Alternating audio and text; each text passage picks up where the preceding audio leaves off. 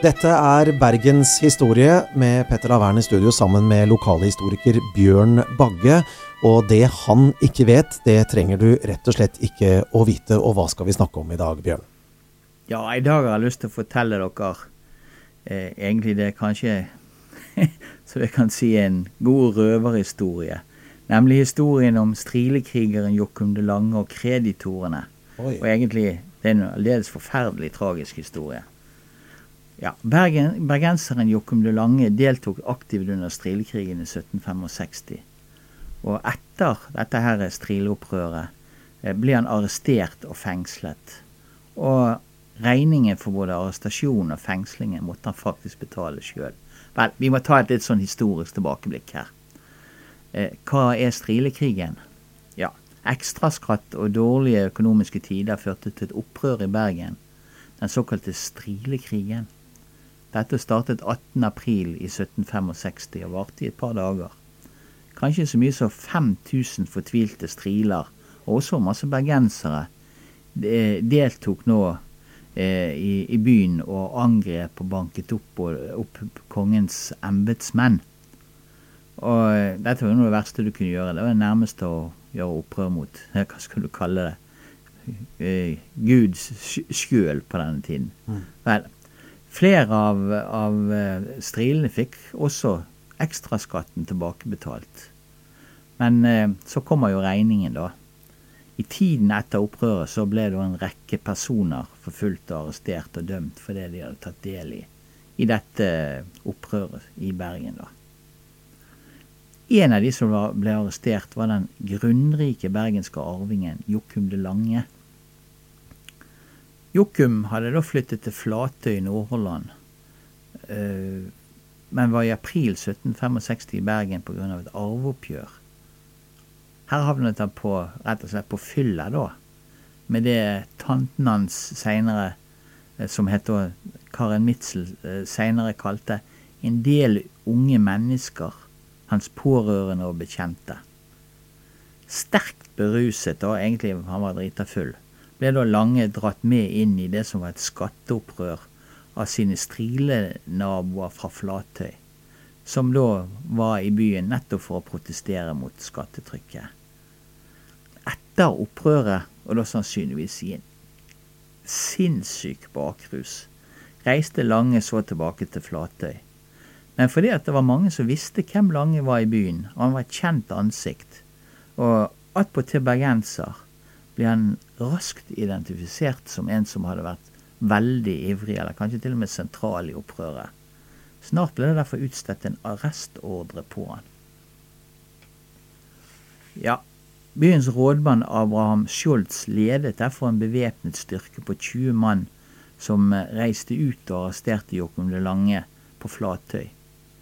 Lange forteller sjøl at han midt på natten ble pågrepet av soldater med bajonetter på flinten, som det het, altså på, på flintbørsene som de hadde. Og at han deretter ble fraktet og satt ute i en mørk kjeller under rådhuset. Han kom rett og slett i arresten i rådhuskjelleren. Eh, Lange ble sittende i arresten i, rådhus, i, i rådstukjelleren fra begynnelsen av mai og frem til slutten av september. Og forholdene i rådstukjelleren var svært dårlige.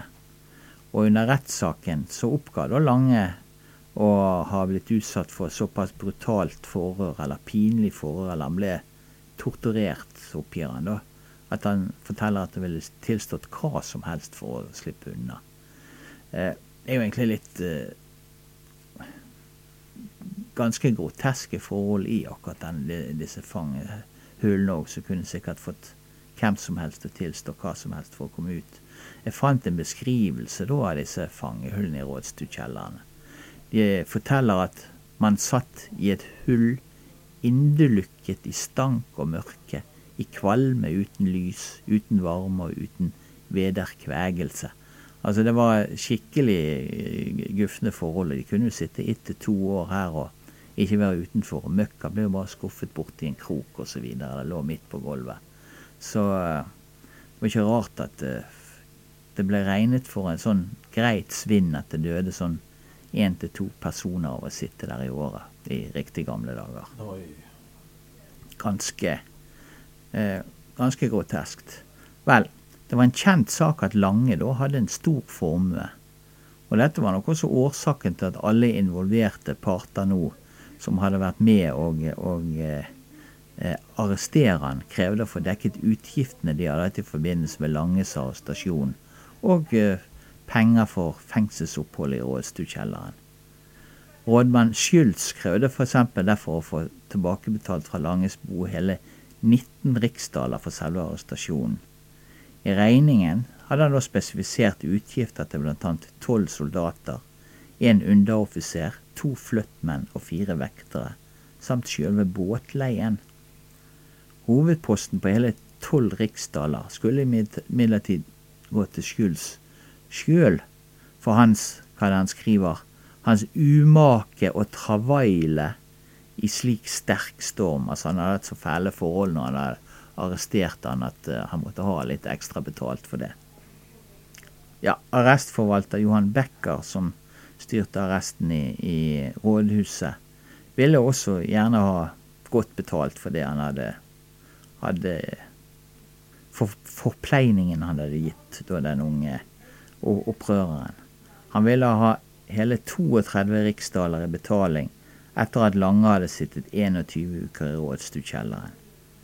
Arrestforvalteren mente nemlig at Lange hadde gitt ham en ukentlig utgift på hele én riksdaler og tre mark for ekstraordinær forpleining. Og eh, kravet kan sies å være astronomisk, hvis vi tenker oss at en årslønn for en tjener på landet kunne ligge på én riksdaler pluss kost og losji. Så her var det mange som skodde seg ganske så bra. Vel, rettssakene mot Lange og det var også tre andre som ble tiltalt etter Strilekrigen. Eh, som var hovedtiltalte. Det var åtte totalt som ble tiltalt, så vidt jeg husker. Eh, vel, rettssakene var innviklede og pågikk i flere år. Under rettssakene ble Lange siktet for å ha vært med på å slepe skattefogden Olof Bildsø gjennom gatene og banke han opp. Han skal også ha truet og uttrykt seg svært krenkende mot fogden å, uh, gjennom å oppfordre folk til å slå i hjel den hunden og kaste ham på sjøen. Uh, for disse forbrytelsene ble Lange først dømt til døden. Noe seinere ble dette omgjort til fengsel på livstid og tap av ære og formue. Også alle utgiftene i forbindelse med rettssaken ble innkrevd fra Langes bo. Lange døde imidlertid i fengselet i, i april 1768, før selve strilekrigssaken eh, var avsluttet i retten. Kanskje han ikke hadde det så galt i denne fangehullet, kan du av og til lure på. Under Langes fengselsopphold ble nemlig hans forlovede Anna Katarina Hellmann, som hadde fått lov til å besøke han i fengselet, gravid. Og det er utrolig interessant det du kan lese når du følger familiens skjebne gjennom arkivene. Langes eneste datter og dattersønn døde eh, i ung alder. Og i 1867 utvandret Langes eneste oldebarn, Lennart Lange, til USA. Hjemme i Norge hadde han blitt rettsforfulgt fordi han var mormoner. I USA slo Lennart seg ned i Utah, hvor han fikk en tallrik etterslekt. Ifølge mormonene skal flere av disse ha vært i Norge for å misjonere. Så kanskje har noen av oss faktisk møtt etterkommere etter den bergenske strilekrigeren Jokum de Lange når vi har fått noen som har kommet og banket på døren og vil fortelle oss om mormonens fantastiske religion.